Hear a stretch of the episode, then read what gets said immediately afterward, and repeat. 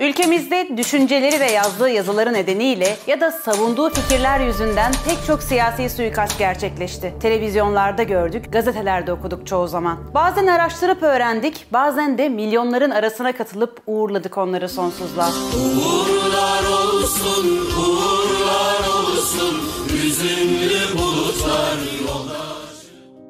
Pek çok eylemde ise yaşıyor diye haykırdık isimlerini. Yaşadıklarına tüm kalbimizle inanarak. Oda TV'ye hoş geldiniz. Ben Pınar Saraçoğlu. Bu videoda siyasi suikasta uğrayan 10 isimden bahsedeceğim. İşte tarihler ve o isimler. Arşiv Odası başlıyor.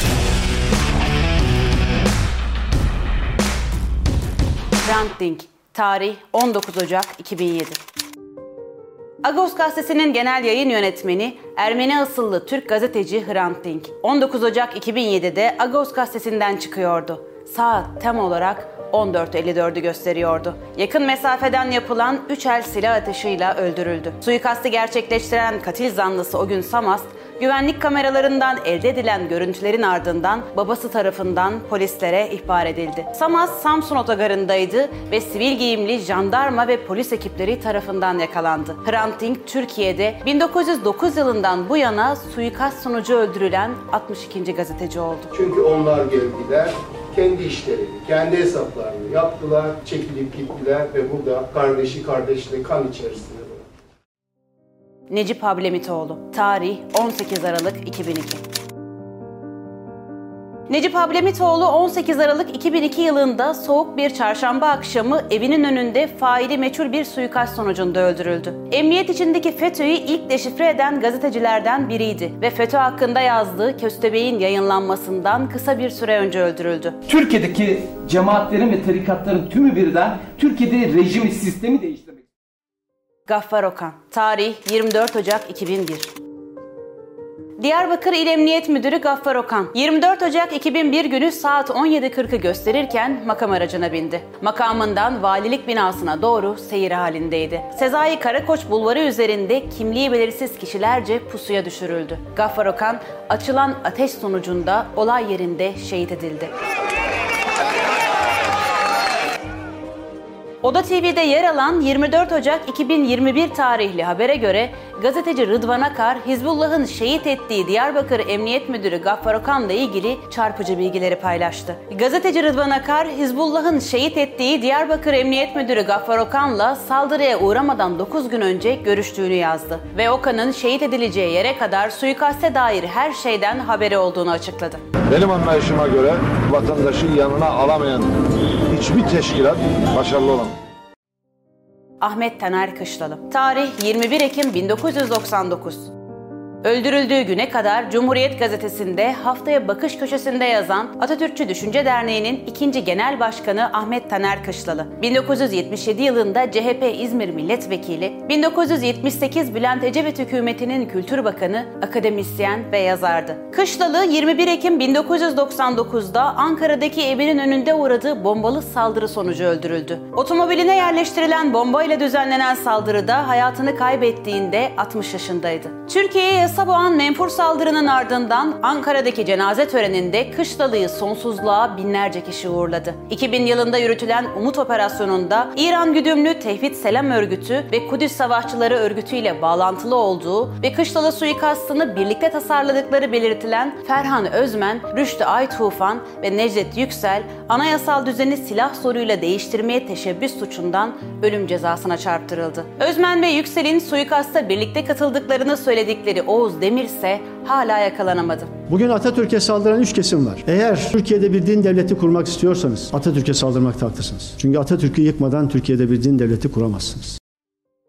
Uğur Mumcu Tarih 24 Ocak 1993 Uğur Mumcu cinayeti benzeri birçok siyasi cinayet gibi devlet yetkilileri tarafından bilinen geliyorum diyen bir cinayetti. Gazeteci yazar Uğur Mumcu'nun eşi Gürdal Mumcu'yu suikast günü evinde ziyaret eden ve Mumcu suikastı için zaten bekliyorduk diyen dönemin Türkiye Büyük Millet Meclisi Başkanı Hüsamettin Cindoruk ve MİT Müsteşarı Teoman Koma'nın söyledikleri de Kolombiyalı ünlü yazar Gabriel Garcia Merkez'in Kırmızı Pazartesi kitabında anlatılan bir cinayetin benzeriydi. Bu açıklamalar Mumcu cinayetinin bilindiğini ama önlem alınmadığını açıkça ortaya koyuyordu. Mumcu suikastı ile ilgili bir bilgiyi Türk istihbaratı ile paylaştığı iddia edilen Türkiye uzmanı CIA ajanı Bennett de Uğur Mumcu'nun öldürülmesinden yalnızca 24 saat sonra bir suikast sonucunda hayatını kaybetti. Soldan ölünce sağcı bir insanın evet ne iyi oldu solcu öldü veya sağcı ölürse bir solcun ama ne iyi bir sağcıyı öldürdüler diye sevilmesi olanak dışı insansa yani. Türkiye'nin en aydın gazetecilerinden biriydi Uğur Mumcu. Türkiye'de özellikle son 10 yıldır tarikat, ticaret ve siyaset üçgeni egemendir.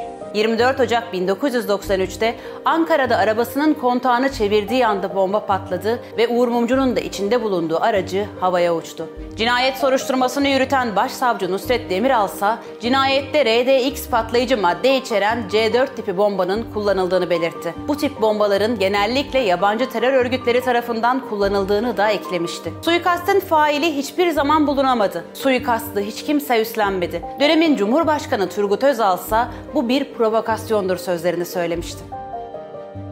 Hangi iktidar din sömürüsüne dayanmış mutlaka yıkılmıştır.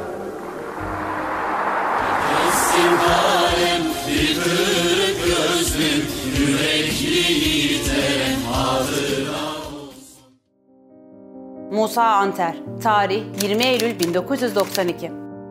Yeni Ülke ve Özgür Gündem gazetesi yazarlarından Musa Anter, 20 Eylül 1992'de Diyarbakır'ın Seyrantepe mahallesinde uğradığı silahlı saldırıda öldürüldü. Anter'in sol bacağına iki, kalbi ve kafasına birer kurşun sıkılmıştı. O sırada yanında bulunan gazeteci yazar Orhan Miroğlu da saldırı sırasında yaralandı. Eski CİTEM elemanı Abdülkadir Aygan, Anter'in kendisinin de içinde bulunduğu tim tarafından CİTEM için öldürüldüğünü söyledi. Dönemin Başbakanı Mesut Yılmaz'ın isteği üzerine Başbakanlık Teftiş Kurulu Başkanı Kutlu Savaş'ın hazırladığı Susurluk raporunda, raporun Anter cinayetinin Yeşil Kod adlı Mahmut Yıldırım tarafından planlanıp uygulandığı yer aldı.